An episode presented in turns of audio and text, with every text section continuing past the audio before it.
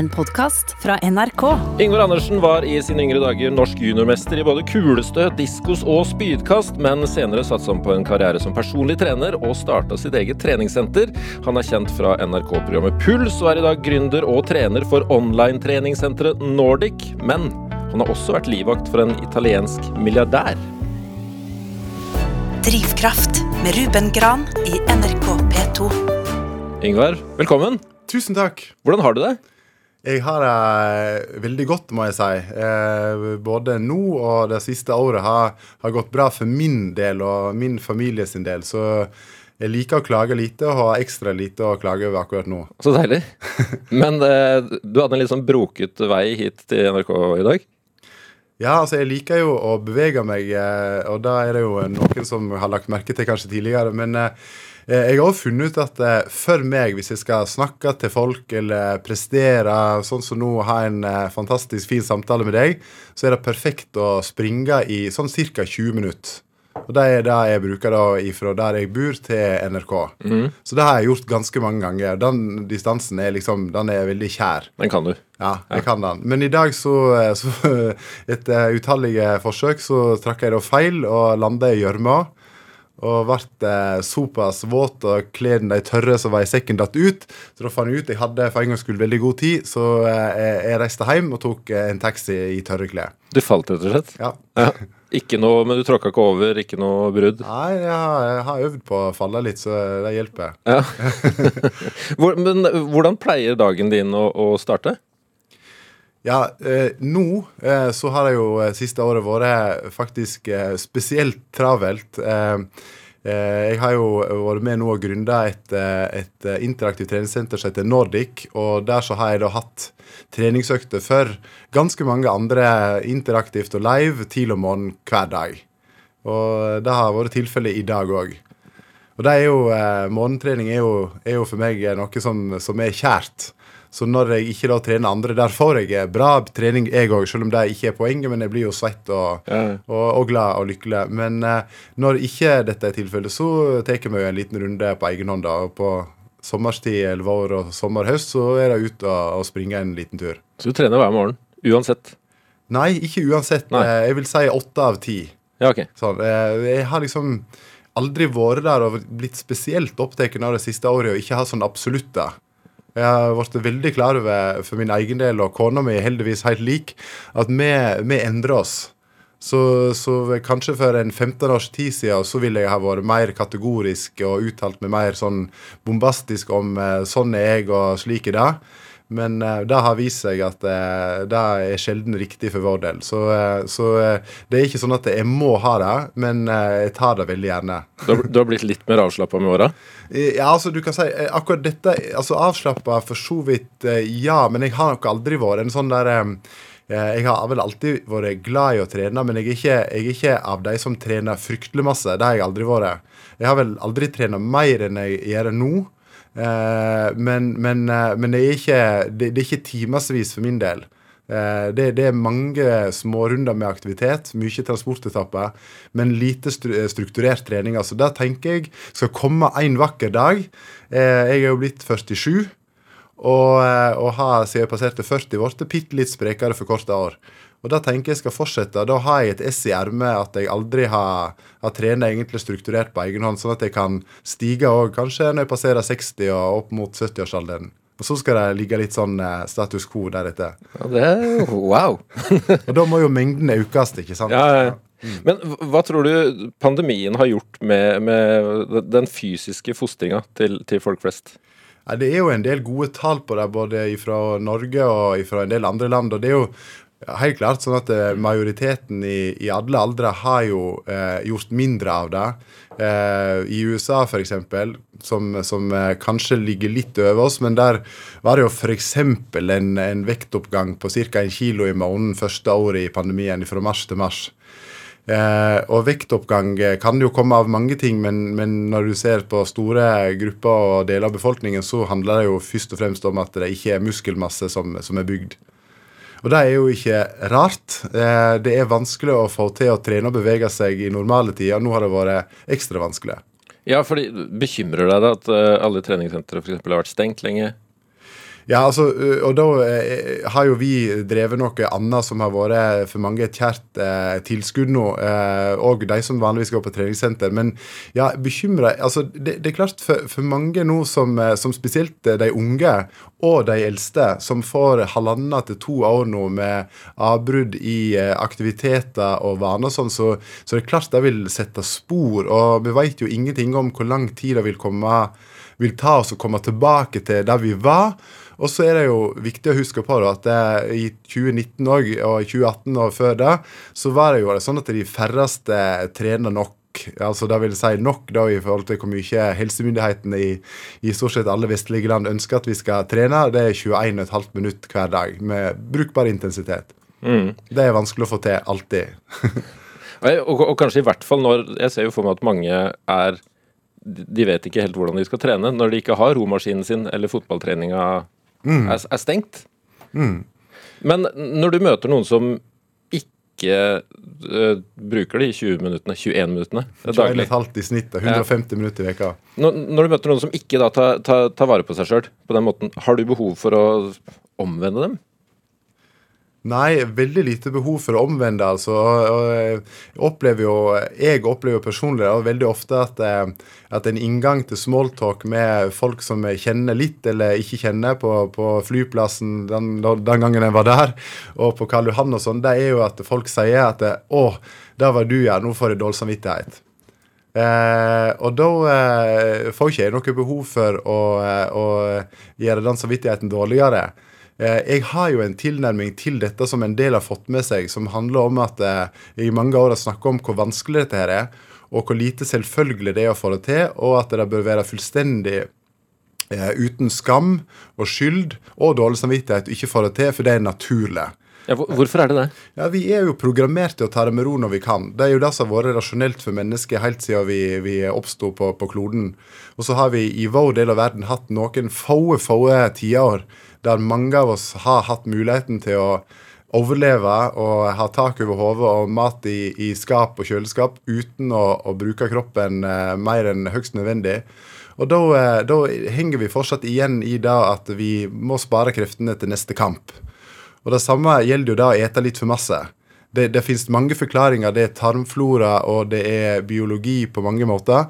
Men, men uh, i, i, all hovedsak så tror jeg det handler om at vi rett og slett uh, i alle deler av verden, når velstanden kommer, når muligheten er der for å la være å bevege seg, så tar vi den.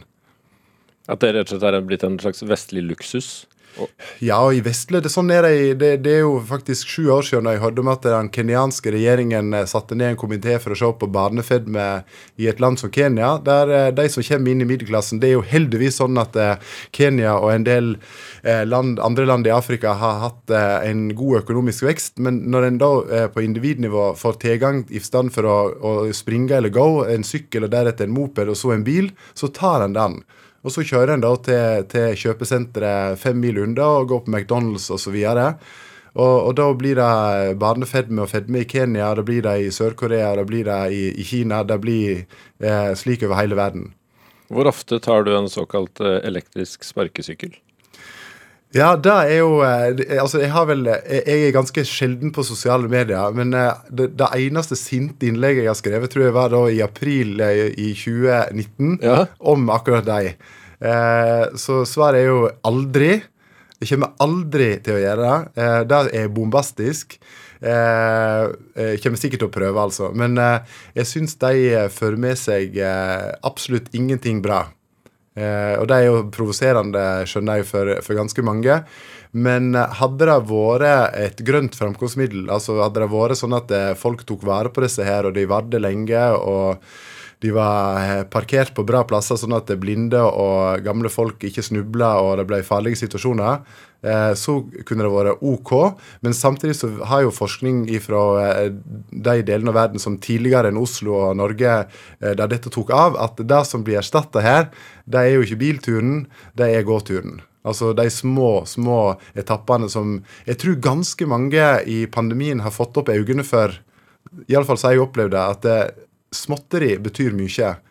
Turen til bussen, kanskje til og med eh, turen ned i garasjen eh, hvis du bor i femte etasje, eh, eller på jobben når du parkerer ned i garasjeanlegget, og gå opp.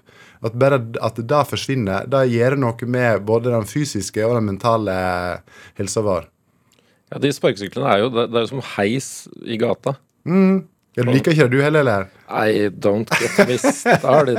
Nei, men eh, det, er du som skal mene her nå. Men jeg tenker jo at det er relevant med deg, fordi for meg symboliserer det på en måte latskap. da.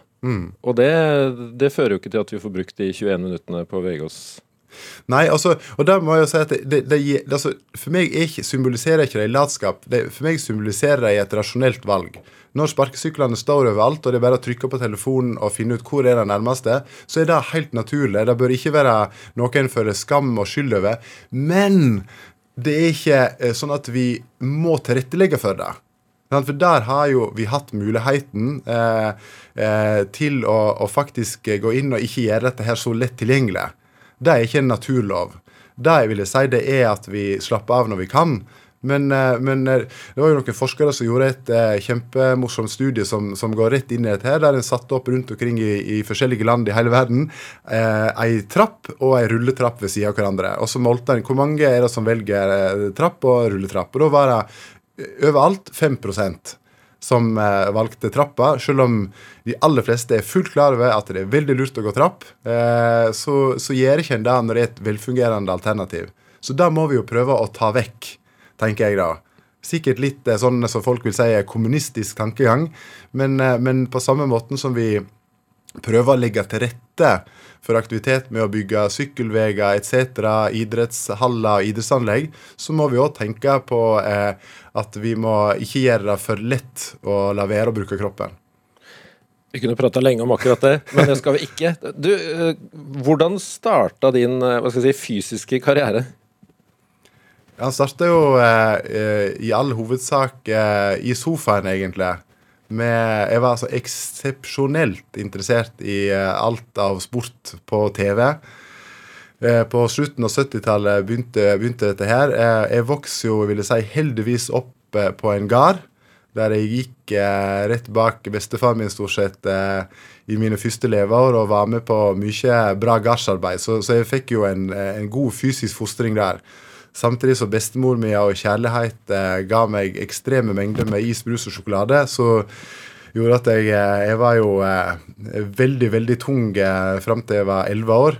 Så fikk jeg mye aktivitet, men, men eh, jeg vil si at er, jeg er litt glad for at jeg er født da, fordi at med det, eh, den mengden av sport som er på TV nå, så tror jeg aldri jeg hadde kommet opp av sofaen.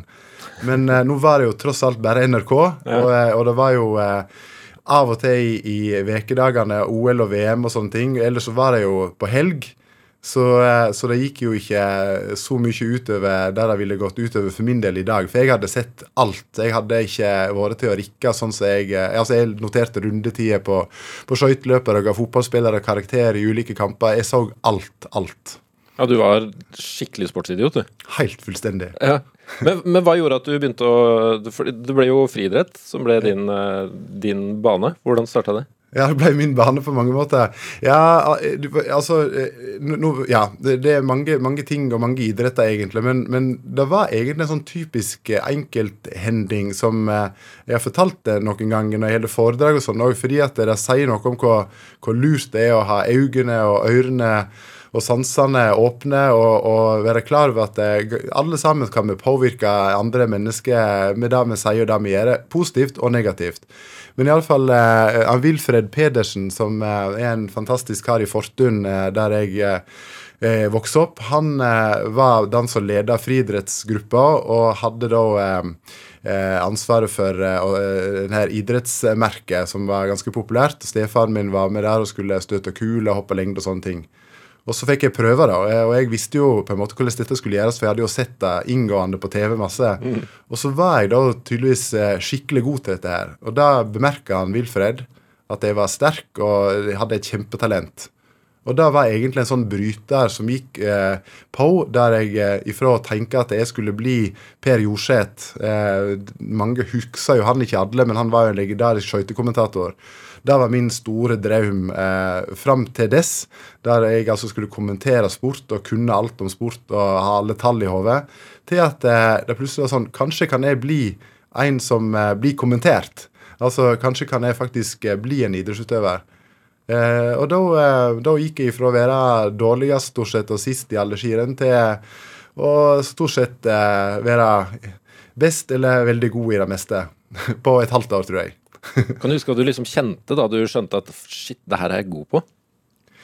Altså, den, den, den der opplevelsen av å gå ifra å være tilskuer til å være en som er med, og som, eh, som kan oppleve mestring rundt eh, trening, idrett, aktivitet, den er en sterk drivkraft.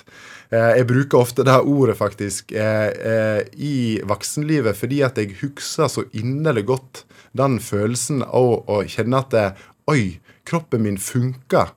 Han er jo faktisk sprek. Og, og, da var jeg elleve år, og, og jeg veit ikke om jeg var spesielt reflektert for alderen. Dette gikk nok i bølger, for at jeg hadde absolutt noen downs på refleksjonsnivå, vil jeg si, seinere. Men, men, jeg hadde jo vokst opp med stort sett eh, voksne folk eh, og, og bestemor min og bestefaren min spesielt. Så jeg tror at jeg var liksom litt sånn hva skal jeg si, voksen i hodet. Eh, og, og, de tankene er jo da en drivkraft fordi at det er det jeg har lyst at folk som jeg er borti, og som kanskje hører på meg, eller som jeg trener, skal få oppleve. Så jeg har jo stort sett via meg til å hatt mest lyst til å jobbe med folk som er i dårlig form, og som har dårlig helse, fordi at det eh, betyr mer. Og så er det andre som er både flinkere og mer interessert i å, å jobbe med, med, både supermosjonister og andre. Jeg har superrespekt for, for at en har lyst til å springe litt fortere på maraton og, og, bygge litt ekstra muskelmasse, men, men der føler jeg at det, um, der er, det interesserer meg mindre, og det er, det er, ikke, det er ikke, så viktig for meg, da. Mm. Du, du ble jo juniormester i kulestøt, diskos og spydkast. Ja, og, og, bare sånn for de som er kjent med begrep og, og alder og sånn, så var det ungdoms-norgesmester jeg var da i ja. alt dette her. Ja. Junior. Men eh, du, når, når, ga du deg med det? Og hvorfor? Ja, jeg, jeg ga meg eh, først når jeg var sånn 16. Jeg flytta på hybel til altså, Eller 15 og et halvt var jeg vel da. Jeg flytta på hybel til, til Sogndal. Eh, jeg, jeg kjente at, at, jeg hadde lyst til å gjøre et sånn opprør. Og, eh, og jeg syns at eh, Og det var jo fotballbygda, ikke sant. Jeg var jo glad i, og jeg var jo innstilt på å bli fotballproff òg, sånn at det, det, var passende da å legge andre idretter på hylla og satse på fotball, som viste seg å være feilslått for min del. ja, Hvordan skjønte du det? Nei, jeg, jeg, jeg, er nok på mange måter en altfor sterk individualist. Var iallfall eh, slik sett. Eh, jeg hadde store, store utfordringer med å høre på en trener eh, som jeg mente tok feil. Eh, dette her var jo helt tidlig på 90-tallet. Drillo var akkurat kommet. Jeg var en sånn type spiller som likte å gå fram og tilbake. Eh, eh, jeg likte ikke å slå lange baller, og jeg likte som regel ikke å skåre heller hvis ikke det var litt spektakulært. Så, så, jeg var jo egentlig helt motsatt av det en skulle være på den tiden. Og så var jeg stor og svær òg, og likte ikke å gå i hoveddueller. Eh, så, så alt var feil. Ja, det, jeg, jeg, kan jo skjønne at det ikke ble noe fotballproffkarriere på deg.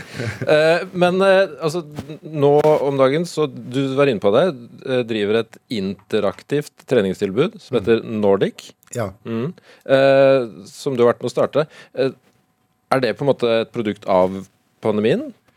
Nei, det er egentlig ikke det. Eh, hun som hadde ideen her, Anne Marie Refsnes, hun eh, kontakta meg i, i 2018 eh, og hadde lyst til å ha med meg som en av, eh, en av gründerne på dette. Og så, eh, så, kom jo pandemien, og, eh, og, og da var det jo opplagt at en måtte prøve å få fart på sakene. Så tanken var der før dette, og det er jo en del eh, store store konsept, eller to da, i USA, som har blitt gigantiske altså, før pandemien, og selvsagt eh, øka i størrelse under pandemien. Eh, det handler jo mye om å, eh, å kutte reisetid og gjøre treningen mer tilgjengelig. Både for folk som trener, men, men, det er klart de som er ukomfortable med å reise på treningssenter, som er usikre, får jo da treningen og PT-en, personlige treneren, hjem i stua på kjøkkenet i garasjen der en måtte, måtte være. Og, eh, og det vil nok eh, tror og, og, og, er vi ganske sikre på å fortsette òg når det er normale tider. Hvordan fungerer det? Ser du de som trener? Eller ja, de som vil. Så, ja. så f.eks. i dag tidlig når jeg hadde med meg eh, eh, ganske mange på, på trening, eh, sånn ca. 80 stykk. Så er det ca. 20 stykker som da velger å ikke ha på kamera. og Så ser jeg 60 stykk, og jeg har en gigantisk skjerm, så jeg trener litt og viser litt, og så eh, går jeg over til å coache. Da, og da er det oppmuntringer, av og til kanskje litt push, og litt sånn på, på, teknikk. Men alle, det som vi ser, er jo at selv om ikke en blir nevnt mer enn to-tre ganger i løpet av timen, når det er såpass mange med, så opplever jeg nok at eh, en blir sett. Mm. Så, så, dette riset bak speilet, denne ytre motivasjonen, eh, den, den slår veldig inn, da. Så når en først har logget på, så er en, da er en der. Da får en supertrening. Men Hva slags rom er det du ser, eh, hva slags omstendigheter er det de, de folka du trener, trener, trener, i? Ja, altså Jeg kommenterer jo aldri det til folk at å, nå ser jeg at hun har sånn og sånn interiør. Men, eh, men, eh, men det er jo faktisk vært ganske velsigna for min del, da. Og det tror jeg det gjelder alle de andre 30-trenerne våre òg. Vi har jo òg vært lite i kontakt med folk, men vi har jo faktisk fått komme hjem til mange. De som er med, får nok ikke med seg så mye, for de har mer enn nok med, med seg sjøl. Og og, eh, men vi ser jo da eh, både ulikt interiør, ulike miljøer. Noen er ute, noen er inne, noen er i garasjen, noen er på kjøkkenet. Studenthybler. ikke sant? Det, det, det har vært en eh, ekstra dimensjon med dette som har vært kjekk. Ja, Hvis man har litt nysgjerrighet, så er jo det et fin bonus. Ja, ja. Så lenge en ikke misbruker det, så tenker jeg det er en, bare bra. du hører Drivkraft i NRK P2. Ja, ja, minst det gjør du. Og her eh, er det treningsguru Yngvar Andersen som er dagens gjest. Er du komfortabel med det? Guru? Å være ledestjerne? ja, Det, det syns jeg er litt morsomt. fordi at eh, Svigerfar min han eh, syns første gang, eller i begynnelsen, når dette ble brukt kanskje 10-12 år siden, at det var helt forferdelig at jeg da som 5-36-åring skulle bli kalt guru. Altfor ung og det er helt feilslått. Selvsagt litt med glimt i øynene så har jeg alltid tenkt når det gjelder dette her å bli spurt om å komme hit, f.eks., eller stille opp i en uh, reportasje eller være med i et TV-program, at det, eh, det gjør jeg så gjerne, for jeg ser absolutt ikke på det som en selvfølge at det vil skje i framtiden. Eh, sånn at det, alt ifra det ene superlativet til det andre, og om det er guru eller entusiast, så tenker jeg at det, vel, hvis det er sånn det blir oppfatta, jeg er gjerne guru så lenge jeg kan, jeg. Og så, og så håper tror jeg at jeg ikke misbruker det. da. Mm. Eh, derfor er det greit. Men hadde jeg eh, gjort det, så hadde det vært verre, tenker jeg. Ja, Men da du var barn, hadde du liksom den slags Var du, var du liksom lederen i gjengen? Gjeng og gjeng. Du vet, eh, jeg vokste opp eh, da i, i Forstund med tolv elever på barneskolen. Eh, to andre i klassen, todelt skole. Eh, det er litt vanskelig å si. Eh, jeg var vel eh, Jeg var vel Jeg tenkte vel litt annerledes. Jeg hadde jo eh, på et merkelig vis tanker om Altså, det var jo kanskje gjennom idretten Kanskje var det interessen for politikk og for så vidt òg. Jeg så jo for meg da på en måte at eh, det enten skulle bli eh, altså en legendarisk fotballkarriere, at det skulle bli olympisk mester i, ikke i én idrett, men i flere idretter, eller at jeg skulle bli president.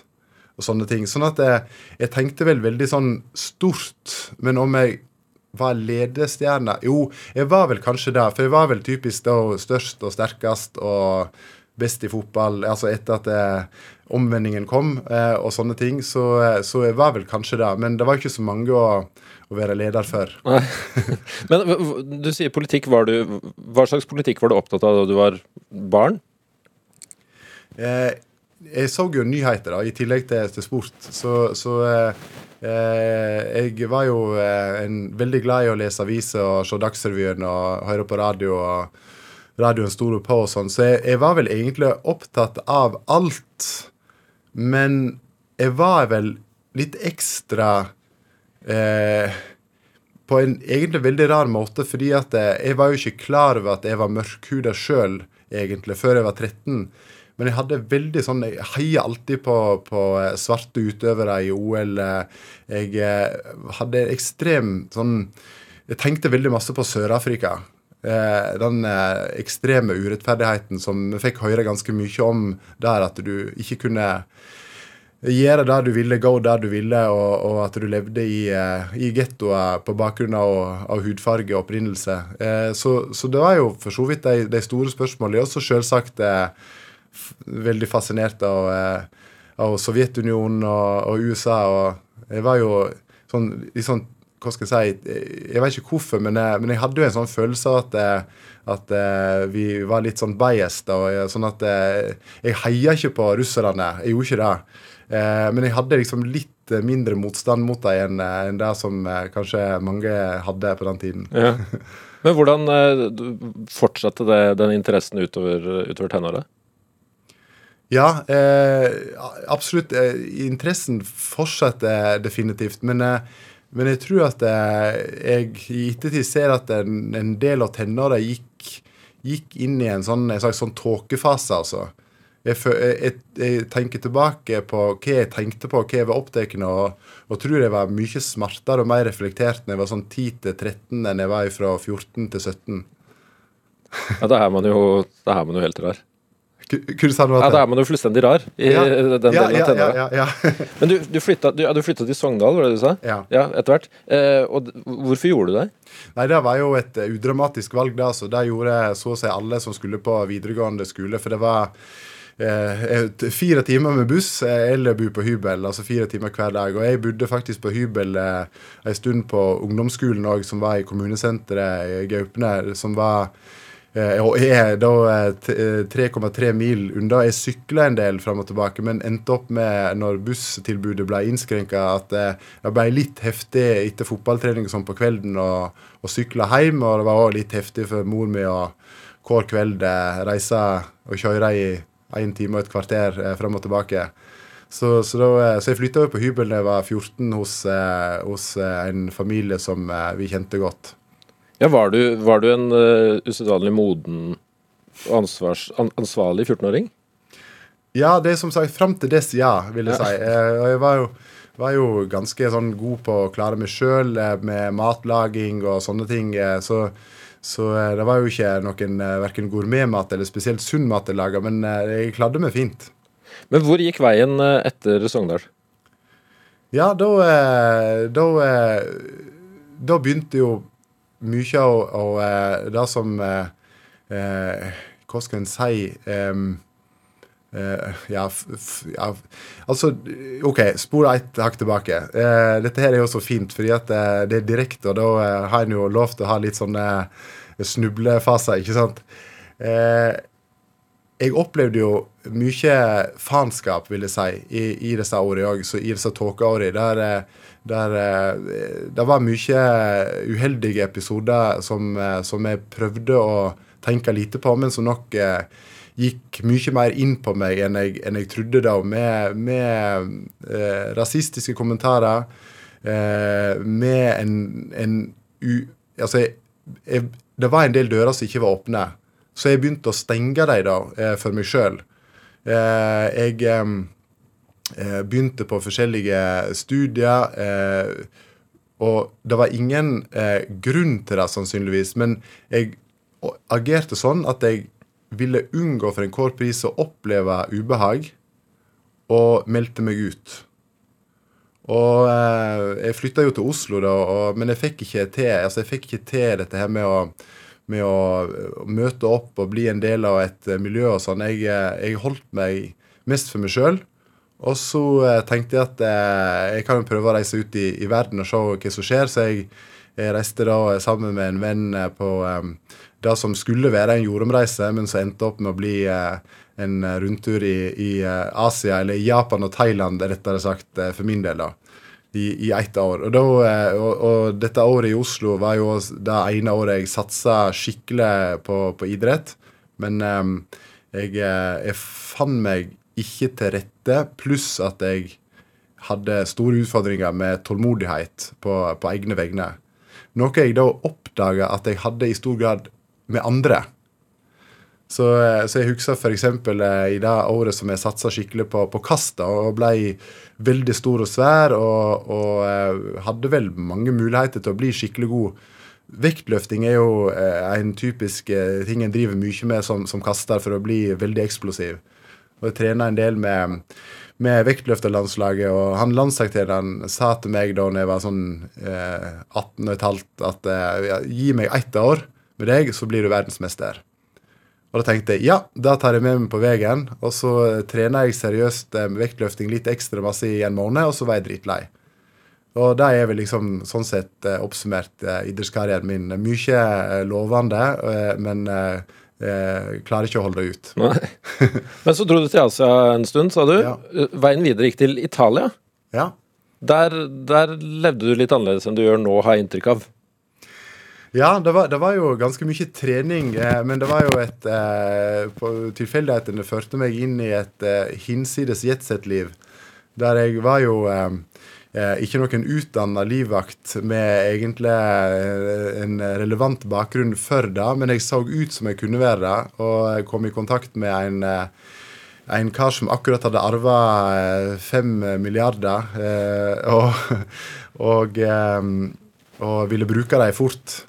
Og han eh, trengte da et entourage med, med masse modeller osv. Og, så videre, og et par karer som, som var gode. For jeg, så, jeg var jo 110-15 kilo og hadde kort hår og, og, og var liksom en del av et eh, sånn modellmiljø. Så, så, jeg passet jo inn sånn sett, men hovedkvalifikasjonen min var at jeg var, hadde blitt god i italiensk og, og selvsagt eh, bra i engelsk og tysk. Så eh, han kunne jo da eh, bare italiensk. Så jeg, eh, jeg oversetter veldig masse av de andre amerikanerne, australienerne og, og ulike nasjonaliteter sa, og, og var på en måte en sånn fikser. Men ble presentert som, som livvakt. Men altså, det er så mange spørsmål som popper opp nå. Altså, hvordan, på hvilken måte var du modell i Italia? Ja, det er ganske morsomt, fordi at det, dette her var i 97. Og det var akkurat eh, på slutten av storhetstiden til Gianni Versace. Så det at jeg var innom et, noen modellbyrå for å Dette handla jo om at det, det var jo smått med, med cash. Så det var jo én ting som måte, alle gjorde eh, der. At du registrerte deg, og så kunne du håpe på enten en, et reklameoppdrag, eller du kunne òg gå catwalks og sånne ting. Eh, eh, jeg fikk et par jobber, altså. Men, eh, men eh, når jeg eh, var innom et sånn eh, high class-byrå, så eh, sa han karen at eh, det er kjempeflott. Alt er bra med deg. Hadde du vært 40 kilo lettere. Ja. For da eh, hadde jo eh, trenden endra seg ifra eh, dette her med litt sånn svære, muskuløse karer som eh, han Versace annet sto for. Så når jeg kom dit i Milano, så skulle en være avmagra og ha den her eh, heroin-looken. Så, eh, så de 40 kiloene de eh, hadde jeg ikke noe tanke om å ta og få vekk. Kunne ikke gjort det heller. Så det var, det var ikke trist, det var bare humor. Ja. Fordi da var du svær. Hvor mye større enn du er nå, var du? Ja, altså Da veit jeg jo omtrent akkurat eh, Så det er 15 kilo større, cirka. Ja. Ja. I, med muskler. Ja, jeg, vil, da, jeg var nok kanskje Ja, ja absolutt. Sikkert omtrent samme feitprosent. Det har jeg aldri målt, men jeg antar det ut ifra hvordan det ser ut. Men hva husker du best fra, fra livvakt, eh, livvakterfaringen din for denne milliardæren? Det var, det var vel eh, svimlende pengesummer og eh, veldig rare opplevelser av møte med hyperkjendiser. Første turen jeg var med på, husker jeg, så, så skulle vi på noe som heter World Music Awards i Monte Carlo. Eh, vi gikk inn sammen med Britney Spears, eh, som eh, akkurat hadde slått igjennom og var liksom den hotteste i hele verden. Vi Satt rett ved sida av Evander Holyfield, som var vel et par år før han ble spist av Mike Tyson. Eh, så at Holyfield, som var veldig kjent for å være religiøs og familiemann og sånn, eh, prøver seg på eh, det minst elegante vis på haugevis med damer og sånn. Eh, det, var ifra å aldri ha vært i nærheten av sånne kretser til å stå midt inni det, det var veldig spesielt. Og så var jo han eh, en storgambler han eh, som jeg jobba for, og, og hele enturasjen på kanskje 20-30 personer, inkludert meg, vi fikk jo masse penger å spille for. Og endte jo av og til opp, for vi kunne jo ikke tape. Vi brukte ikke egne penger med å stå med 100 000 etter endt session. Var- Rett i lommen. Var det en tilværelse du likte? Eh, vet du, Det var interessant. Det var ikke meg. Eh, eh, så, så du kan si etter at dette eh, oppdraget og denne tilværelsen ble avslutta, så har jo ikke jeg vært på kasino, selv om det var noe jeg gjorde tre-fire tre, ganger i veka med han. Men, men det var jo rasjonelt da, for jeg hadde jo eh, Jeg levde jo fra hånd til munn, og da også av og til få, eh, store pengesummer som jeg eh, den gangen brukte opp lett. Men eh, det holdt meg jo eh, flytende i, i Italia en stund. og Brukte masse penger. Og, og har vel Jeg vet ikke om jeg, om jeg hadde vært annerledes nå uten den erfaringen, men jeg har iallfall overhodet de siste 20 åra ikke, ikke hatt noe behov for statussymbol og bruke penger for, for syndsskyld. Nei. Du vendte jo tilbake til, eh, til gamlelandet igjen. Eh, og fikk deg kone og familie. Du har tre barn nå. Ja. Mm. Eh, og i 2010, eh, rett etter at dere fikk den første dattera deres, så, så, fikk du masse gratulasjoner. Men du fikk også en mail som var ekstra spesiell. Hva var det? Ja, ja det, det, er, det, er, fortsatt sånn. Jeg har fortalt det noen ganger, og, og det er jo det er jo fortsatt sånn at jeg, eh, jeg lurer på om er dette her eh, tilfellet. For jeg eh, hadde jo forsøkt i Jeg var 36 da. Hadde forsøkt fra jeg var 21 med, med ulik intensitet og på ulikt vis å finne ut hvem far min var. Og så eh, hadde jeg jo fått eh, fantastisk kone, og jeg hadde et veldig godt liv. Og, og den eh, voldsomme intensiteten i å finne ut av dette etter at livet ble bra, den, den forsvant en del.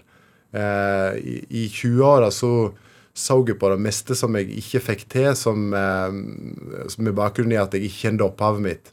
Og så, så fikk jeg jo eh, på måte på et vis eh, eh, ja, orden på Jeg fikk et godt liv, da. Et eh, stabilt liv, sånn som jeg egentlig hadde hatt lyst på hele tiden. Italia, som vi nettopp snakka om, var jo spennende og interessant, men det var jo ikke et liv som, som var for meg. Eh, men så kjente jeg når jeg venta barn, eh, eh, og det jeg visste om han, var at eh, han eh, ikke visste om meg. Og, og, da snudde det seg ifra et eh, behov jeg hadde, først og fremst, til at tenk om ikke jeg får møte henne. Og da eh, gjorde jeg eh, tre-fire måneder før hun skulle komme, en liten ekstra runde, og Jeg snakka med litt folk, og så sporer jeg bare sånn, altså, Hvem kan hjelpe? Eh, eh, i, i, eh, for jeg visste han var fra Marokko. Og da fikk jeg ett stalltips som var veldig konkret, og det var Tore Strømøy. Han, han, er den som, som kan og har størst nettverk i disse landene her så, så hører vi han. Og så tenkte jeg det, det er litt vrient, men så tenkte jeg søren heller det, tenk, tenk, få, tenk, om ikke han har barn. Eh, tenk for meg å ikke få møte eh, jenta mi. Eh, det, gjorde at jeg, jeg, tok den vanskelige telefonen til han. Han visste jo da hvem jeg var ikke sant, pga. disse rundene med bedre puls og alt sånn, og jeg visste jo hvem han var. Og jeg la fram saken, og han eh, lova ingenting, men han sa at han kunne gjerne se litt på det. Jeg var jo veldig opptatt av at han ikke måtte bruke for mye tid på dette. her, Men hvis du kan gi meg noen tips og sånn. Og så, så hørte jeg jo ikke noe mer ifra han, og det syns jeg jo ikke var rart, for jeg regna med at han var opptatt med, med, andre ting og sine ting. Og så tilbake til det du sa innledningsvis. Eh, 12.20, akkurat tre timer Eh, etter at Okala Okalla ble født eh, da 25.6.2010, så skulle vi sende en melding til våre nære venner og kjente om at alt sto bra til med henne, og ja, en typisk melding fra, sykehuset. Og når jeg gikk inn på iPhone da, så eh, ser jeg da bilde av far min, mail fra Tore Strømøy. Eh, så jeg eh, var svimeslått, og ble helt svimeslått uvirkelig og, og eh, virkelig der klisjeen ut av eh, sjela, hvis det er en klisjé, eh, virker helt reell. Jeg, jeg, kjenner at dette her det må ikke være noen andre som opplever. Dette er noe jeg ser, det er ikke meg. Altså, Det største jeg har opplevd, eh, blir etterfulgt av å se faren min for første gang i en alder av 36, noe jeg aldri hadde trodd skulle skje. Det var, det var eh, ekstreme sekunder, minutter og timer der på Ullevål sykehus. Det høres ut som hele berg-og-dal-banen på én gang. I, ett øyeblikk. Ja, og, det, og, og, og, jeg må si at det, det å holde henne i hendene, det er på en måte det, det er Og alle tre jentene mine, det, det er noe sånn som går, overgår alt. Og Det er det jo en del som har opplevd. Men dette her var jo veldig stort og veldig, veldig spesielt. Og det at det skjedde så komprimert, gjorde at det, at det ble ganger tre-fire alle disse her følelsene som var i sving da. Ja, det kan søren meg si. Du dro, du dro etter hvert for å møte han? Ja. Halvt år eh, etterpå. eh, til Marokko. Hvordan, hvordan var det møtet? Når jeg fløy inn eh, og landa på, eh, på flyplassen i Fes sammen med kona mi Liv og, og Carla, som var, som var et halvt år da, så, så var Jeg hadde da ikke vært i Marokko før. Det er utrolig vakkert der, også, men det var sånn Det, det var på en rar måte, og, og ikke misforstå dette her nå, men det var kjent. På en sånn pussig måte. Eh, landskapet og, og alt. Det var på en måte Jeg fikk litt en følelse av å komme hjem. Nå er ikke alt som har skjedd eh, seinere, rosenrødt, eh, men møtet, det var fantastisk. Eh, både med, med han, med tre halvsøsken og stemor der nede. Så det er eh, en opplevelse jeg absolutt ikke ville vært foruten. Og jeg hadde jo lurt på dette her så ubegripelig lenge, så det var det er vel vanskelig å beskrive med, med ord, altså. Men, eh, men eh, det, var, det var godt, for å være veldig nøktern. Kjente du på en måte, kjente du han igjen? Ja. Ja. ja. Og det forklarte masse eh, om, meg, vil jeg si. Eh, måten han var på Han er død nå. Eh, og, eh, og måten han hadde levd livet sitt på, var veldig eh, gjenkjennelig på mange måter. Eh, og jeg har ikke tro på at det, det blir som det blir. Jeg har tro på at vi kan påvirke veldig masse. Men så er det noen ting som ligger der, og det var opplagt en del ting eh, i eh, biologien som, eh, som eh, var, var likt. Og, som, eh, som, og han hadde gjort en del ting som, eh, som jeg definitivt ikke skal gjøre. Så, så eh, sånn sett var det òg både, ja, både flott og lærerikt og, eh, og eh, utrolig nyttig. Var han også treningsguru i Marokko? Absolutt ikke. Drivkraft i NRK P2. Og det er Ingvar Andersen som er eh, på besøk her i dag. Gründer, foredragsholder, forfatter av livsstilsbøker, TV-personlighet, far til tre, ektemann. Hvor, hvor, hvor finner du energien din? Ja, Det er jo ikke alltid jeg har funnet den. da. Jeg har jo opplevd at ikke han er der òg. Så det, det, er ikke, det er ikke sånn eh, race fra eh, A til B der eh, det er energi hele veien, altså. Eh, men jeg tror jeg finner energien, ja, i, i bevegelse, for all del. Eh, og jeg har jo spesielt brukt det som medisin, vil jeg si, eh, når det ikke har vært bra. Når det er bra, når det står bra til, så, så er det et flott tillegg.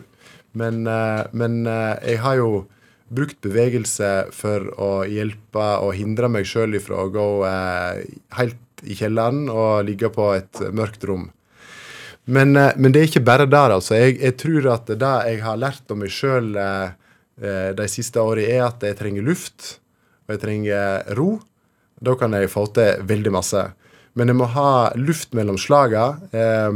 Jeg er veldig lite opptatt av sånn definisjoner. Hvem er du, hvem er jeg, introvert, ekstrovert og sånne ting. Men jeg tror vel at jeg er litt overraskende introvert sånn eh, innerst inne, som gjør at eh, jeg kan være utrolig eh, sosial. Jeg kan være ute blant folk i stor grad, men jeg må ha luft mellom slagene. Så da har jeg lært meg, og da finner jeg masse energi. da, Og da, da er det rett og slett å være sammen med, med den innerste sirkelen, som er jentene mine. Jeg har tre jenter, eh, altså fire med kona mi og, og hunden. Der, der eh, det kan det være ubegrensa. Eh, jeg trenger ikke så mye alenetid. Å reise på lange turer alene og sånn, det har jeg ikke behov for. Men jeg har behov for å være en god del bare med deg. Så Ja. det er vel hovedsvaret på hvorfor jeg er ganske sikker på nå at jeg aldri kommer til å bli utbrent igjen. Fordi at jeg skjønte ikke dette i stor nok grad den gangen eh, for sju år siden da jeg eh, gikk i bakken. Ja, hva skjedde da? Eh, jeg hadde jobba masse i, i en god del år, eh, men ikke så dramatisk at det i seg sjøl skulle gjøre at jeg ble utbrent. Men vi hadde en spesiell situasjon i, i to år, der kona mi hadde en vanvittig hjernerystelse, hennes sjuende, der hun rett og slett var veldig ille ute ganske lenge. Eh, det ble jo sånn direkte med to, to små den gangen en, eh, en stor sånn kanskje typisk kvinnebyrde på meg, altså sånn trippelbyrde der jeg hadde like mye jobb, måtte ta alt hjemme, og så kanskje største belastningen av alt var eh, bekymringen for hun, fordi at inntil det ble klart at hun skulle bli helt bra, så lå det en, en veldig bekymring i om hun noensinne skulle bli sånn som hun var. Og, eh, og, eh, i to år så var dette her eh, for så vidt på høygir, den engstelsen. Og så avtok det nok litt. Og så fikk hun beskjed, helt klar beskjed om at det kommer til å ta litt tid. Men det er ingen tvil, du kommer til å bli helt bra. Du, skal, du kommer til å kunne gjøre alt du har gjort før. Ingen problem. Og Da tok det vel sånn cirka noen timer, og så eh, spydde jeg av utmattelse etter en eh, liten samtale med en uh, veldig hyggelig nabo. Uh, for da var jeg ferdig. Da hadde jeg brukt opp uh, alle reservelager. Og da tok jeg ni måneder fri på egen bekostning for rett og slett å kunne bidra med bra ting resten av livet. For da var det, da var det så tomt at jeg tror at hvis jeg hadde forsert det Tror jeg, dette ville jeg jo aldri vite, men jeg ser for meg at det hadde vært ti dårlige år. Nå ble det ni Eh, ikke dårlige, men eh, moderate måneder. Og så har det vært deretter sju fantastiske år, vil jeg si. Så du skjønte da du sto i dette her at nå, nå må jeg ta grep? Ja, og jeg, og, jeg, og jeg, er jo genuint stolt av det, fordi at eh, akkurat den høsten dette skjedde, da, så hadde jeg absolutt den mest eh, potensielt og innbringende perioden i mitt liv. Det var enormt med godt betalte oppdrag. Det var særdeles lite hyggelig å og ringe og si ifra at eh, jeg kan ikke komme. Eh, for jeg hater å skuffe folk, det må jeg si. Så det var det som var det største, den største kampen. Eh, men òg da at, at det, det, kunne ha vært lett å bli frista av at stå i det nå. Disse pengene de er for gode til å la være. Så, og hvis jeg hadde gjort det, så, så, tror jeg nok at det økonomiske hadde blitt tap. For da, da, da tror jeg rett og slett jeg hadde ødelagt meg. Hva er det viktigste du lærte fra, av, av dette her? Ja, jeg, jeg, jeg, tror jo, eh, og jeg hadde jo hatt eh, god hjelp i mange samtaler mange møter med folk som hadde opplevd mye av det samme, altså gått på veggen. Så, sånn at jeg var jo ikke i tvil om hva jeg burde gjøre, og, og jeg fikk jo til å gjøre det. Eh, og, og det jeg har lært, og grunnen til at jeg syns det er bra å prate om dette, selv om en alltid blir tatt når en er litt kjent og snakker om eh, personlige ting, alltid er litt fare for, og noen tror at en at en uh, gjør det for å snakke om seg sjøl og, egen vinning og sånn. Men, men, men, jeg tenker at det, det, er så ekstremt stor forskjell på en uh, skikkelig smell som kan vare i årevis, og noe som en kanskje kan redde inn med to-tre smarte måneder. Og, eh, og, jeg var nok faktisk eh, helt i stand til å, å, være tilbake i bra drift etter en to-tre måneder. Men da var jeg så eh, sugen på denne her eh, prosessen jeg var inne i med å finne ut eh, hvem er jeg, hva skal jeg gjøre med livet mitt. Og jeg hadde såpass med ressurser i, eh, i altså Misforstå meg ikke, jeg er ikke rik, var ikke rik sånn i klassisk forstand, men jeg hadde såpass med, med slingringsmonn at eh, jeg kunne ta noen måneder til for rett og slett å virkelig finne ut av hva er det jeg skal drive med. Og det er jo noe som jeg kan si er en veldig privilegert ting å kunne gjøre. Det er det. Men, men eh, tross alt i Norge så er det ikke urealistisk for de aller fleste at en kan, i stedet for å nettopp kline seg sjøl knallhardt inn i en vegg, at en kan gjøre små justeringer, ta en liten, liten pause før det virkelig smeller. Det har i hvert fall vært min hjertesak her. Og, finne ut altså, hva driver jeg med, hva har jeg gjort, og hva skal jeg gjøre så kan ikke alle eh, ta ni måneder eh, uten sykemelding, sånn som jeg gjorde. Eh, det er ikke det store poenget. Eh, men at vi har muligheten til å, å bidra med mer i den store sammenhengen er vel det jeg vil fram til. Hvis vi ikke plager og piner oss sjøl gjennom altfor tøffe, langvarige faser med for mye stress og for mye jobb, forpliktelser, bekymringer eventuelt. Eh, livet er i mange tilfeller, hvis en er heldig, langt, og en kan bidra med, med mye. Hvis en går eh, på halv maskin eh, i 30 år mot at en tar et par måneder på, eh, på, på 10% og for deretter å være tilbake på full kapasitet, så er ikke det tvil om når en bidrar med mest. Både til seg sjøl og ikke minst til de rundt en. Noe du eh, som er forholdsvis nytt for deg, har jeg fått inntrykk av, som du har involvert deg i nå i det siste. Du har, du har gått i pakt med kulturministeren, eh, Abid Raja, eh, og blitt en del av Er det et arbeidsutvalg det heter? Ja, vi, vi er jo ferdig med det arbeidet. Det ble jo ferdig 5.9. i fjor, akkurat da. Så har jeg jo seinere år vært med, og er med i et utvalg i, i norsk toppfotball som jobber med hvordan en skal håndtere da, dessverre de episodene som vil komme i år og år framover på tribune og på fotballbane, og, og kanskje eh, ellers i idretten. da, eh, Rundt både rasisme og, og, definitivt alle andre former for trakassering. Hvor, hvorfor eh, vil du engasjere deg i det?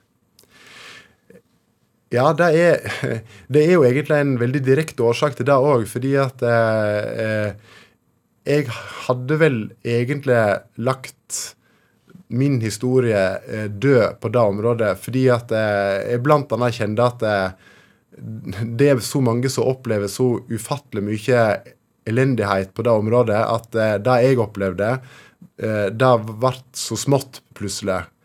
Eller plutselig, ikke plutselig, men det, det ble smått. Men, men, i hagen i fjor, 9.6 tror jeg det var eksakt, så hadde jeg en podkast fra New York Times jeg hører på hver dag, The Daily, der de spilte av lydopptak. Eh, det hadde vært masse med George Floyd, eh, men så var det et lydopptak som var nytt for meg, der du hører disse 8 minuttene og 41 sekundene, og alle som roper og, og oppmuntrer og ber disse her, og han Derek Chauvin om å stoppe. Eh, enormt mange stemmer som, som, prøver, og som bryr seg, og som ikke blir hørt. Og da, eh, da rett og slett eh, Akkurat da knakk jeg i sammen. Altså, jeg, jeg strigret eh, i to timer, og så tenkte jeg at eh, faen heller. Jeg er jo tross alt såpass kjent, og de fleste ser jo på meg som 100% norsk. Her kan jeg bidra med noe. Så jeg hadde så mye på hjertet og klarte å få komprimert det i en av mine sjeldne innlegg i sosiale medier på Facebook, så skrev jeg da eh, om, om, dette, og jeg la ut et bilde av meg sjøl i bunad som veldig rund og god fireåring, og ganske brun. Og så skrev jeg eh, en helvetes neger med dialekt, og kjent som pulsyngvær. Og så skrev jeg en del da om, eh, om både mine erfaringer og noen refleksjoner rundt, rundt dette her det gjorde nok ganske mye inntrykk. Eh, jeg fikk iallfall mange tusen eh, meldinger, og i all hovedsak var det hyggelige meldinger. Det var noe faenskap. Nå ble det litt mye banning, det beklager jeg, altså. Eh, det, det, er sånn eh, lite filter her i denne samtalen, så jeg får bare Vær deg selv, du, Ingvar. Ja. Um, og det var enormt mye som gikk på dette, for jeg hadde bl.a. sagt at jeg har tro på at eh, vi må bearbeide traume vi må hjelpe alle som blitt utsatt for trakassering. Men samtidig så er det aller viktigste at alle som trakasserer, stopper nå. Og i det så lanserte jeg tanken om et sånn diskrimineringsamnesti. Altså at lever våpenet nå. Eh, I beste fall eh, be om unnskyldning til alle du har såret, alle du har skada. Men det viktigste av alt, det er at du stopper nå. Og da var det veldig mange som, eh, som skrev til meg på Messenger og sånn. Jo, Det var jo pandemi, så akkurat da så var jeg ikke i gang med dette gründerprosjektet. Så jeg hadde mye tid, så i to uker så, så, gjorde jeg faktisk ikke annet enn å svare på meldinger. Jeg tenkte dette, dette er viktig, dette må jeg ta meg av. Og jeg hadde tiden. Og det var veldig mange som skrev at eh, jeg er nok en av de som har sagt både rasistiske kommentarer, kvinnefiendtlige kommentarer homofobe kommentarer osv. Eh, jeg har aldri meint noe mer av den typiske sjargongen i det.